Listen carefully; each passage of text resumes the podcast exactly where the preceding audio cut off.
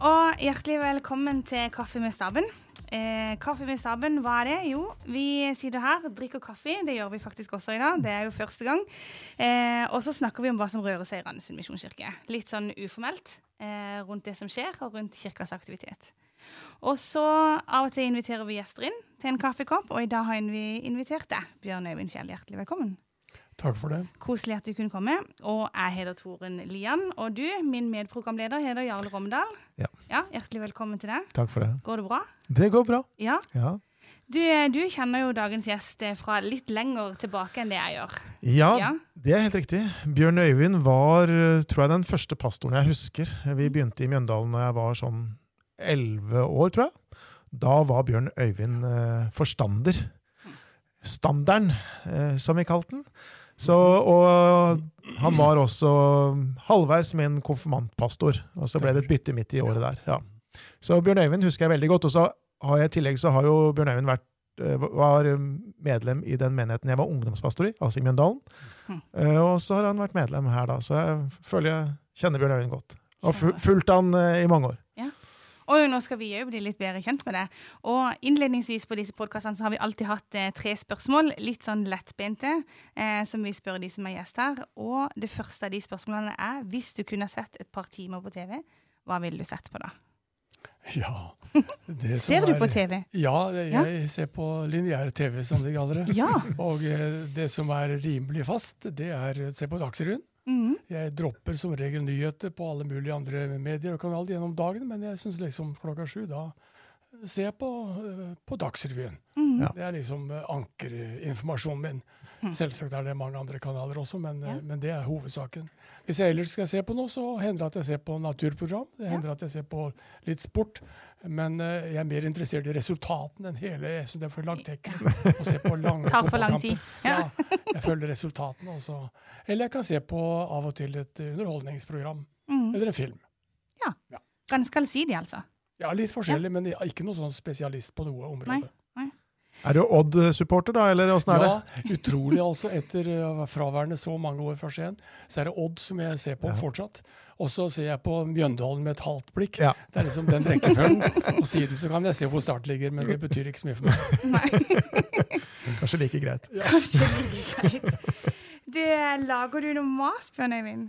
Eh, ja, gjennom mm. livet så har det nok ikke vært mye av det, fordi jeg, ja, jeg har vært opptatt med andre ting. Mm. Men de senere årene etter jeg ble pensjonist, Ja. så har jo dette kommet med fullt. Og nå har jeg stort sett mye ansvar for matlaginga hjemme. Noen favoritter Jeg som du vil trekke fram? spesialist på noe, men, eh, men på det jevne. Og jeg kan eh, ta de forskjellige ting. Vi kan steke fisk, vi kan Ja. kjø, lage kjøttretter. eh, Hæ. Og stå på, koke grønnsaker, lage salater. Eh, Så eh, litt sånn småallsidig, mm. men ikke av den veldig feinschmecker-typen. Det er jeg ikke. Nei. Men så fint. Det samme fortalte Malvin òg. Han Ja. hadde aldri lagd mat, men når han ble pensjonist, så Ja, ja. lagde han mat. Hm. Spennende. Veldig gøy å høre. Du, eh, Nå har vi vært stengt eh, i forhold til det med reise i et års tid. Eh, hvor er det du vil reise når du kan velge hvor du vil henne? Ja. Nei, det har vært stengt sånn. Jeg oppdaget plutselig at jeg har ikke vært oppe i et fly på snart to år. Nei? Det har ikke hendt siden jeg var 18 år. Men uansett det. Eh, det som er førstereisemål for oss, og det har vi allerede hatt en kort tur, det er Oslo, hvor vi har to av våre barn, og, Mm. og svigersønn og barnebarn. Der var det en svigersønn som var 50 år, så da tok vi en ekstratur, Mm. selv om det var litt nedstengt. Eh, neste tur, det blir Bergen. Ja. Det er min kones hjemby, og eh, hvor vi har slekt og venner. Og hvis jeg skal tenke utenlands, så, så tror jeg det blir Sverige og Danmark som blir første over grensen. Jeg er helt enig. Åh, Det savner vi veldig. Ja. Danskeferja, altså. Ja, Color Line. Ja. Åh, ja, det høres veldig bra ut. Denne podkasten Jarle, vi bruker den jo også til å informere litt om hva som skjer i kirka. Eh, og et eh, hot tema er smittevern eh, og litt sånn forskjellig. Eh, har du noe info å gi oss? Ja, det er jo akkurat nå høyt smittetrykk i Kristiansand. Mhm. Særlig knytta rundt til eh, videregående skoler. mm. Og, og deres nærkontakter har det vært veldig mye med smitte. Så eh, det gjør jo at vi, vi kan fortsatt opprettholde egentlig aktiviteter for barn. Så tirsdagene våre går mer eller mindre som normalt. Mm. Eh, vi dropper rett og slett det vi gjør med ungdommene, altså ungdomsskoleelever og videregående elever, på onsdager og på fredager. Mm. Så Loftet Unite og Loftet Night, det legger vi ned. Så opprettholder vi touchpoint for studenter, men da får ikke videregående elever lov til å være der. Så med, med, med noen begrensninger så, så gjennomfører vi en del. Og så har vi gudstjeneste på søndag. To gudstjenester. Så det er det vi veit nå, men dette mm. endrer seg jo nesten fra dag til dag. Ja. Så det er jo krevende å forholde seg til. Mm. Men vi er også glad for at vi kan ha oppe når vi kan ha oppe. Så vi hadde jo pinsegudstjeneste første pinsedag. Eh, Jeg kjente i hvert fall at det var utrolig godt å få lov til å feire gudstjeneste sammen med menigheten. Mm. Så sånn blir det framover Sånn litt. blir det fremover denne uka her. Ja. Noe mer kan vi ikke si om det. Du, Bjørn Øyvind, nå må vi snakke litt mer med deg. Eh, og vi vil starte med boka di. For du har skrevet en bok. Eh, eller den siste boka du har skrevet, er riktigere å si, heter 'Rom i mitt hus'. Eh, og vi har lyst til å spørre deg noen spørsmål ut ifra den. Eh, og her så står det mange forskjellige rom. F.eks. studierommet, eller predikantrommet, eller kulturrommet. Eh, har du et favorittrom? Nei, det må jo bli, det må jo bli knytta til budskapet og til, Ja. Til frelsen i Kristus. Og du Mm. kan gjerne si at uh, nådens og forsoningens rom er, Mm. som er det siste, som jo er uh, idealet, som er målet, er det viktigste. Mm. Men det er klart, i et biografisk perspektiv så er det jo det som ligger bak, da, Mm. som uh, selvsagt boka fokuserer mest på. Mm. De forskjellige rommene som jeg har plukka fram. Mm. Men det kunne jo vært en uendelighet av rom. Det, Ja. det er jo bare, bare kreativiteten som setter grenser for det. Men jeg syns det var en spennende inndeling å tenke på liksom, ja, hele livet som, Ja, eh, som med mange rom. Ja. Mm. Jeg fikk ideen fra, eh, fra rom, Mitt rom i ditt hus, som eh, David Kvebekk på Modum Bad skrev en bok om for 30 år siden, Ja. og, og som jeg jo refererer til. og Det var da på en måte jeg siden jeg har gått med denne ideen om at eh, vi bærer i oss alle rom for hverandre. For vår nærmeste, for alle mennesker vi møter, for saker vi er opptatt med. Mm. Så er det liksom rom i, inni oss. Og det er vel det jeg har forsøkt å skrive Mm. litt om, da. Så fint. Bare et lite spørsmål. Det er en ganske personlig bok, det her, Bjørn Eivind? Ja, den er personlig. Ja. Eh, Var det krevende å skrive det? Ja, det er alltid litt krevende å finne balansen mellom det private og det personlige. Ja. Eh, og det upersonlige for den saks skyld også. Ja. Men eh, Så det er klart at jeg har jo åpnet opp en del rom for hvem jeg er og, og hvordan jeg er, eh, uten at jeg håper det ble privat. Jeg har forsøkt å begrense meg til meg selv og ikke utlevere andre. Det kan jo vel fort komme med i dragsuget hvis du blir veldig opptatt med det personlige og private. Mm. I, helt i starten så forteller du om oppveksten din i Gjerpen. Eh, og vil du fortelle litt om din vei til sånn, en bevisst kristen tro? Ja, den, eh, den er egentlig veldig kort å fortelle, men den var Mm. lang og litt trøblesom for meg selv. For jeg hadde min barnetro, men den bærer jo liksom ikke inn i, inn i, i ungdomstiden og, og videre. Eh, Så da, som ungdom så var jeg veldig opptatt med er jeg et Guds barn, eller er jeg det ikke? Det var litt problematisk for meg, men i tidlig, tidlig tenår uh, For jeg ville være et Guds barn, men jeg visste ikke om jeg var det. Og uh, det at alle mine venner og kamerater vitnet om at de var blitt omvendt på tid og sted, Mm. med dato og benk og klokkeslett og full pakke, eh, det hadde ikke jeg noe å vise til. Hadde ingen opplevelser og valg. Så, så det gikk jeg og var usikker på lenge. Inntil jeg en dag skjønte at, eh, at hvis jeg vil være et Guds barn og ber om det, så er jeg jo faktisk det. Mm. Og det var mitt aller første vitnesbyrd som 15-åring, da jeg reiste meg opp og, og, eh, og sa jeg vet ikke når jeg ble en kristen, men jeg vet at jeg er en kristen. Og så går det noen år også fra, fra du hadde avla det vitnesbyrdet, og så er det etter, vid- etter gymnaset, så hadde, står det i boka di at du hadde fire valg. Enten kunne du jobbe eh, og tjene penger, eh, eller så kunne du gå i militæret, eller så kunne du bli ingeniørstudie i Trondheim, eller så kunne det bli Ansgarskolen og forkynnertjeneste. Og så tenker jeg, hva, hva gjorde at du landa ned på det siste? Nei, det Altså, helt fra jeg ble bevisst på at jeg var et gudsbarn, så, så kalte Gud meg, altså. Ja. Det lå under hele tiden, veldig sterkt.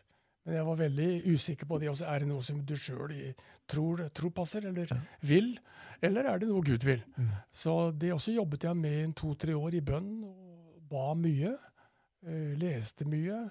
Så dette, de tre andre valgene var liksom egentlig for å lage egentlig et slags reelt valg. Men, men jeg Var de visste- konstruert? Ja, liksom? jeg visste innerst inne at det var Gud valgte meg, Ja. og fikk en visshet om det, Mm. men det kom ikke med en gang. Men da jeg fikk visshet om det, så har jeg aldri sett meg tilbake.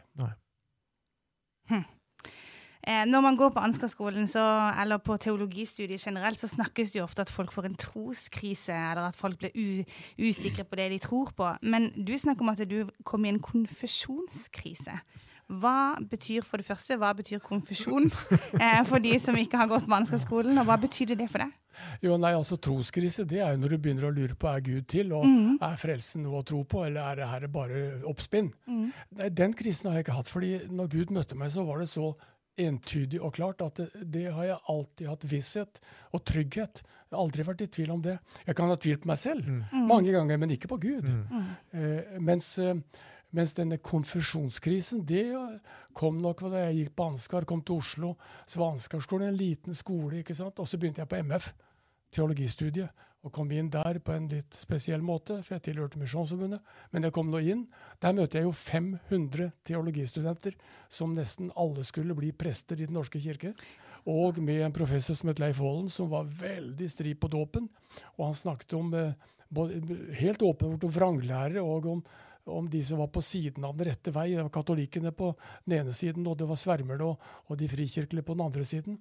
Og det er klart jeg gikk i det miljøet og, og følte meg veldig liten. Misjonsforbundet var ikke noe stor kirke, og, og følte meg litt sånn ja, Mindreverdighetsfølelsen var rimelig fremtredende. Og jeg spurte meg selv hva tror jeg på egentlig? Hva skal jeg tenke om dåpen? Jeg hadde mange pinsevenner som venner, selv om jeg var døpt som barn eh, i Norske kirke og ikke hadde tatt noe dåp på nytt. Men jeg var i identitetskrise på hva jeg skulle tro, og dermed også hvor jeg skulle tjene. Mm. Hvor hører jeg hjemme i kirkelandskapet? Det er det jeg mener med en Mm. konfesjonell Mm. krise. Ja. Og uh, der, uh, den var reell for meg, men jeg sa Mm. til meg selv OK, studer ferdig disse seks årene på teologien. Mm. Gjør deg ferdig med det, og så kan du trekke konklusjonen. konklusjon. Det var liksom avtalen jeg hadde med meg selv. Og så har du jo ikke bare blitt en del av Misjonsforbundet, som det het den gangen, da, eller Misjonskirken, men, men du har jo vært eh, veldig viktig leder i Misjonsforbundet. Og det er jo veldig mange som på en måte har identifisert Misjonsforbundet med Bjørn Øyvind, egentlig, gjennom at du annet skrev mye i, i en god lang periode. Så eh, du har på en måte virkelig funnet hjemmet ditt her, og blitt toneangivende. Uh, har det vært uh, har det vært rolig på en måte da i etterkant? Har du kjent deg hjemme? Ja, jeg har kjent meg hjemme i Misjonsforbundet. Ja. Det betyr ikke at jeg spiser alt, som vår historie sier, og, og alt og alle, men, men eh, jeg har kjent en grunnleggende trygghet for, Mm. for dette mottoet, at vi, har, vi er åpne for alt Guds barn, og, og at vi har et vekt på misjon og evangelisering, og at vi har en forankring i Guds ords autoritet. At vi er opptatt med at alle skal vi kunne være rause med hverandre, men likevel være rotfestet. Eh, Det er, det er verdier som, eh, som jeg sier at dette kjenner jeg meg igjen i. Eh, Og så kan vi ta våre diskusjoner og samtaler på kammerset eller i lederskapet og hva som er på detaljnivå. Men altså den store og den samlende faktoren som heter at vi tror på at vi er ett i Kristus Jesus, og det må få nedslag også i våre menigheter. Og, og jeg er veldig glad i at vi har plass for alt Guds folk i våre menigheter. Eh, enten du tenker slik eller slik om dåp og enkelte andre ting. Mm. Eh, og så skriver du noe i boka di, for du skriver det at eh, at min indre motor har aldri vært så stor, og, og at, du, at du liksom ikke har søkt lederoppgaver. Eh, det ble jeg litt nysgjerrig på, fordi at eh, vi kjenner deg som pastor, det har du vært, eh, og forstander i menigheter. Du, du har vært det som vil nå er generalsekretær, av misjonsforstander, i, i, mange år. Og du ble det også veldig tidlig, ganske ung. Du har vært rektor på Ansgarskolen, og du har hatt andre også tunge lederverv, også sånn fri, frikirkelig og, i, og ellers. Så fortell litt om det. Det var jo litt sånn overraskende. Ja, det, det, høres kanskje fromt ut å si at du har en dårlig motor og, og, egentlig ikke ønsker å være med og klatre. Og Det er ikke sikkert jeg blir trodd på det, men, eh, men jeg tror det er ærlig når jeg sier at jeg har en litt svak motor og har alltid måttet slåss med meg selv uh, for å kunne si ja til noe. Uh, særlig i yngre år så var dette så fremtredende at at jeg søkte Jeg kunne ikke tenke meg å søke en stilling, f.eks. Det Nå var ikke det så aktuelt før. Mm.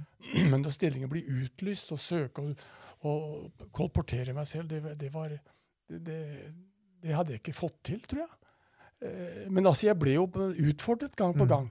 Og etter hvert så fant jeg en indre trygghet i det at hvis Herre du vil, og, og folk vil ha meg, så, er jeg villig til å gå hvis, er, hvis jeg får en bekreftelse. Mm. Men for meg så har f.eks. dette med åremålsperioder, som ikke alle er så begeistra for, men jeg var veldig glad for det. Mm. Fordi jeg trengte minst hvert femte år en bekreftelse på at jeg hadde tillit. Og hadde jeg ikke hatt tillit, så hadde jeg slutta på dagen. Mm. Bokstavelig talt. Mm. Var, det, det, har jeg alltid hatt med meg. Mm. Hvis jeg ikke vet at jeg har støtte bak meg av, av misjonsfolket, så hadde jeg ikke vært leder. Mm. Men det var så sterkt også at da jeg ble leder og måtte kalle meg selv en leder, så gikk jeg lenge og tygde på det.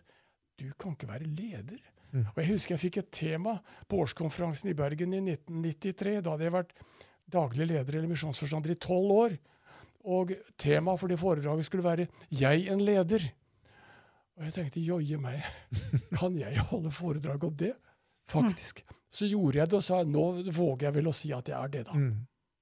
mm. Det liksom, og det, sånn har det vært fra min side. Mm. Kanskje ikke folk har opplevd meg sånn, men, men sånn har jeg opplevd meg selv. Mm. Hm. Ja. For store deler av ditt voksne liv så har du jo vært liksom, en leder eh, for veldig mange av oss som er med i Misjonskirken Norge, eller i Misjonsforbundet som det het eh, tidligere. Eh, men så har vi også lagt merke til at det, eh, når du har vært en stor leder i sted, f.eks. Eh, generalsekretær eller pastor, så har du også fortsatt i den samme sammenhengen etterpå, uten å bli en sånn syvende far i huset. Eh, har du tenkt noe bevisst rundt det? Ja, ja. det må du jo tenke på. Mm. Du har jo klart det veldig bra. Ja, Det vet jeg ikke, ja. men, eh, men, jeg har iallfall forsøkt å være veldig bevisst på det. At mm. mitt ansvar er når jeg er leder. Når jeg ikke lenger er leder, har ikke jeg ansvaret. Nei. Da er jeg en, et vanlig medlem. Mm. Og, eh, men jeg har sagt til meg selv, for det går, ikke, det går ikke automatisk Jeg har sagt av og til at det trenger lang tid på å komme inn i en lederoppgave og en lederansvar. Men sannelig trenger vi tid på å komme ut av det også. Ja. Det, er det, er å trappe ned. Det, det må vi trene oss på. Og det tror jeg vi alle trenger å trappe ned og trene oss på. For Jesus sier jo faktisk at den dagen vi skal fram for tronen, så skal vi si, etter å ha gjort alt det han har bedt oss å gjøre Det har vi jo ikke gjort, da. Men når vi nå har gjort det vi kunne gjøre, så skal vi si 'jeg er en unyttig tjener'. Hm. Da er det ikke mye igjen av lederskapsprofilen. Det er, det er god trening sant. å tråkke nedover. Det er det. Ja. ja. Og det kan være krevende, akkurat det. Um, vi, vi, hørte at du har holdt uh, eh, 3000 prekener. Ja. Uh, og så lurte vi litt på her uh, Når du ser tilbake, har du et slags livsbudskap? Er det noe du særlig liksom har løftet opp? Og så tror jeg jo at i, i, løpet av din predikantliv så har du vært innom veldig mange tekster, men, men er det liksom et livsbudskap som dukker opp der? Ikke i form av tema. Uh, for jeg har vært innom mange temaer og mange skriftord.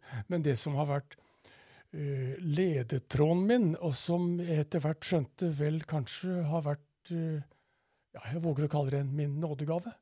Det er å, å, å tale Guds ord.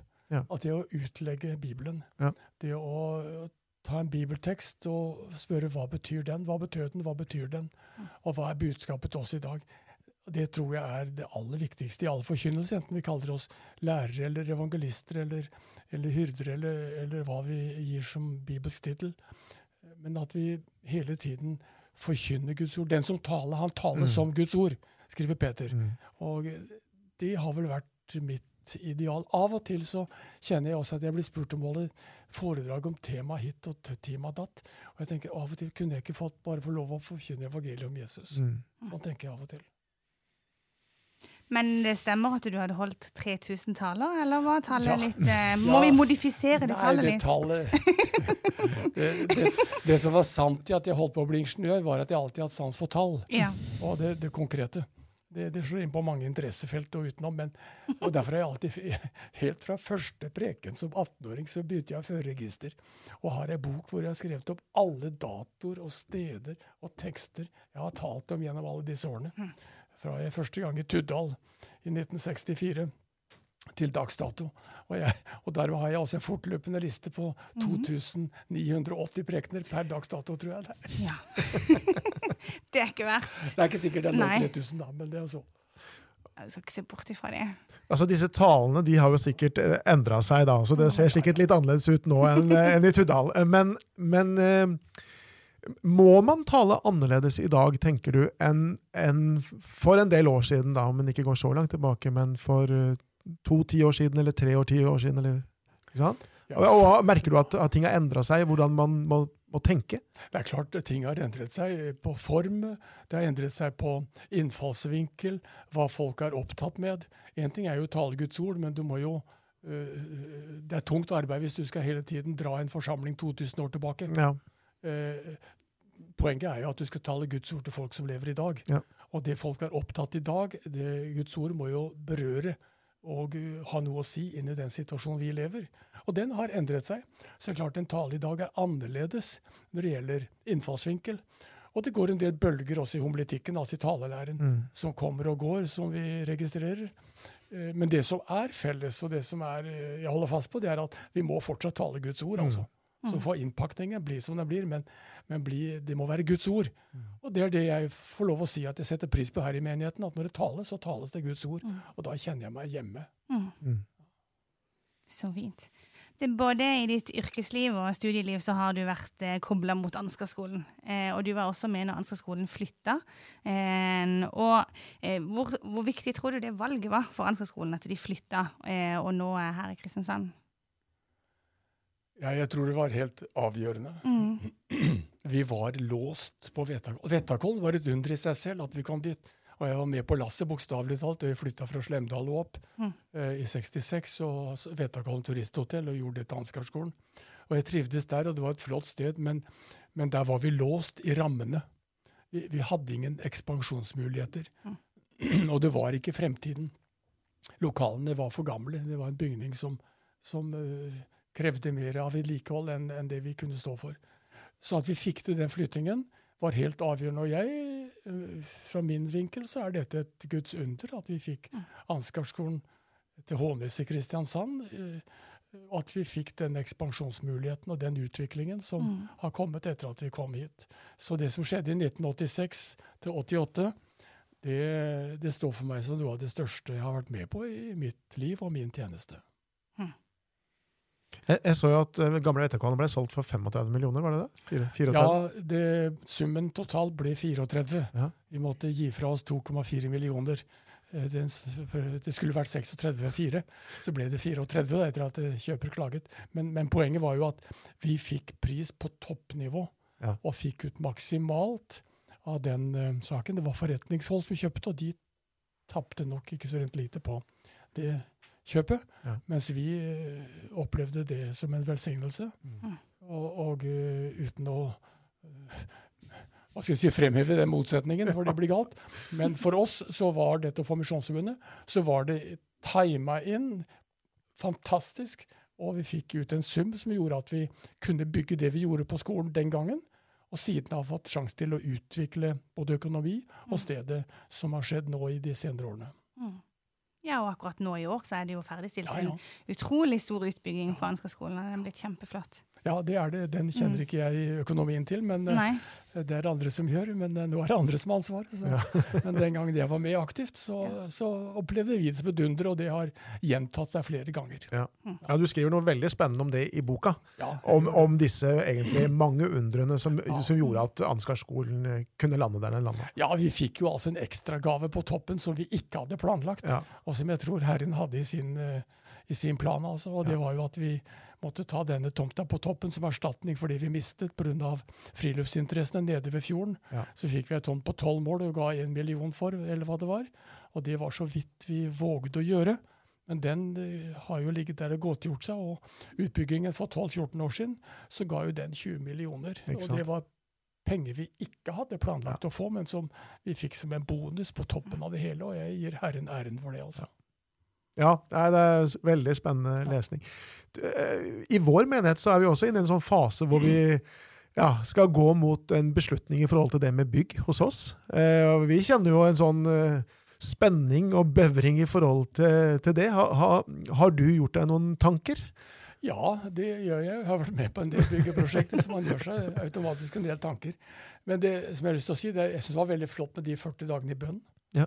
Jeg tror at enhver sånn sak må forberedes i bønn. Mm. Og eh, det må gis en trygghet, og en slags felles trygghet for at dette er hva Gud vil. Ja.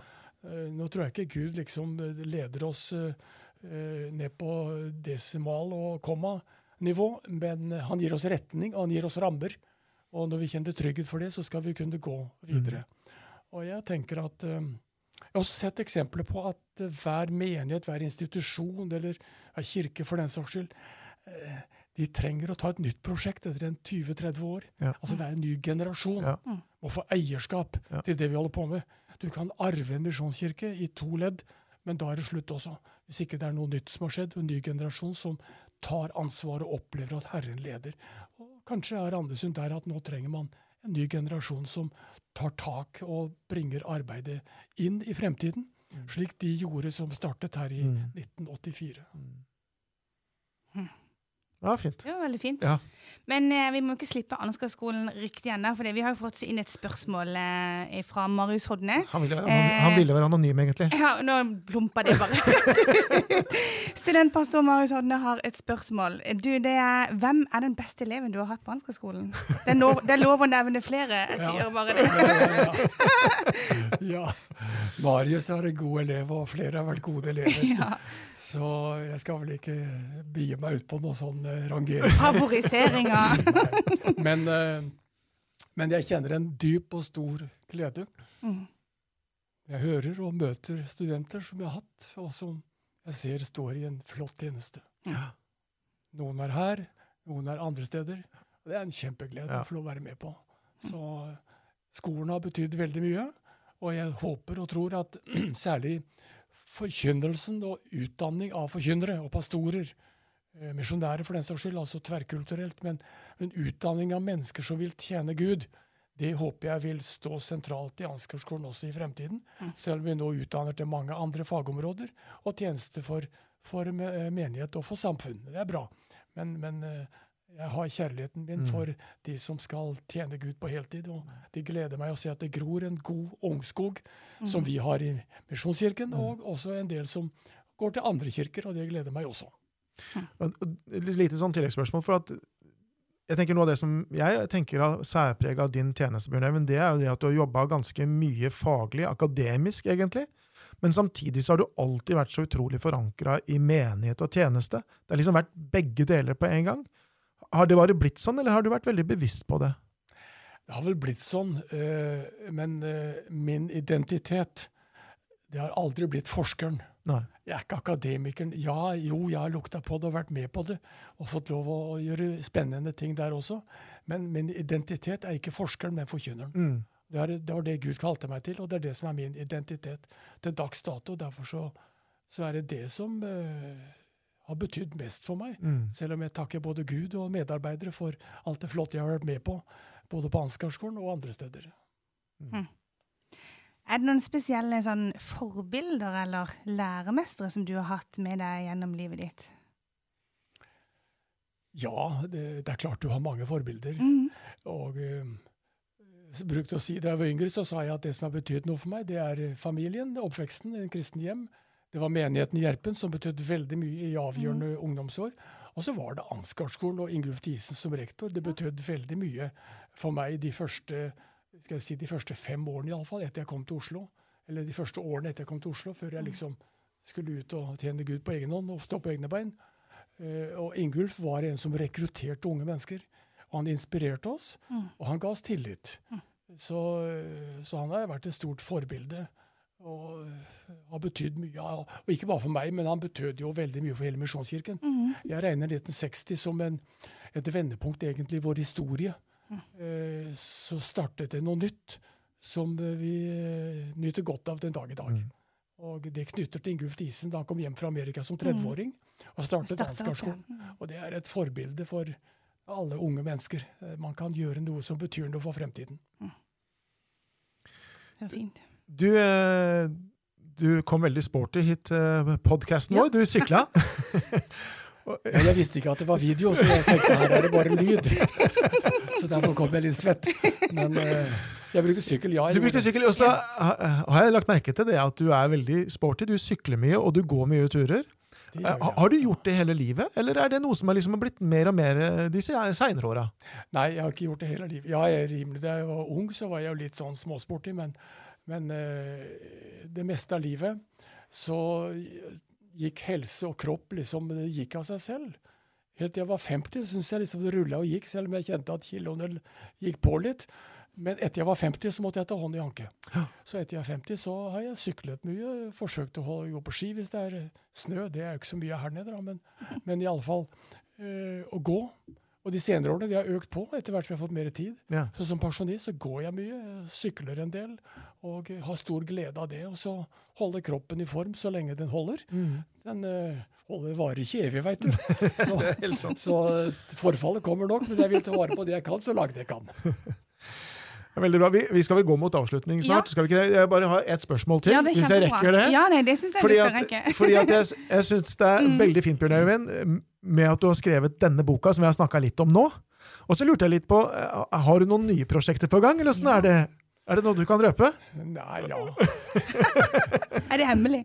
Nei, det er ikke hemmelig, men jeg, jeg driver og småskriver litt, og så ser jeg om det blir noe ut av det. Og nå ser det ut til at jeg får eh, ut ei bok som blir en eh, bibelmeditasjon, eller bibelandakter, om hebreerbrevet. Så jeg, har, eh, jeg begynte jo på en bibeltimeserie her og forsøkte å putte inn alt i to-tre bibeltimer som ble avbrutt pga. av covid-19-situasjonen. Men jeg har gjort det om nå og bearbeidet til 100 andakter. Og planen er at det skal komme ut som en andaktsbok i løpet av høsten. Det gleder vi oss veldig til. Ja, det gleder vi oss veldig til. Og da har jeg mitt siste spørsmål, og det er jo nesten litt kobla til den, eh, den bokutgivelsen. Om du har eh, Vår visjon er jo og, eh, et liv med han, eller vår visjon ender i vårt et liv med han. Og har du noen pulslag eller noen tips til hvordan vi kan leve et liv med han på best mulig måte? Å fortsette der de første disiplene starta på pinsedagene, og holde fast ved, ved samfunnet, fellesskapet, brødsbrytelsen, bønnene og Bibelen. Det, Ja. det er de fire b-ene som vi tradisjonelt Det er der pulsen slår Mm. for, eh, for oss alle. Og det er viktig, ikke som et krav, eh, og ikke som en, noe vi må, men det er jo det som er livet. Og det er jo der eh, tingene fungerer. Så det er der vi må være. Mm. Og der fungerer livet, det kristne livet, troslivet. Det fungerer der. Mm. Det var fint. Tusen takk Benjamin, for at du kom og drakk kaffe med staben. Takk, Veldig. Jarle, for at du var med. Takk for i dag. Og så høres vi igjen. Ha det bra. Ha det bra. Ha det godt.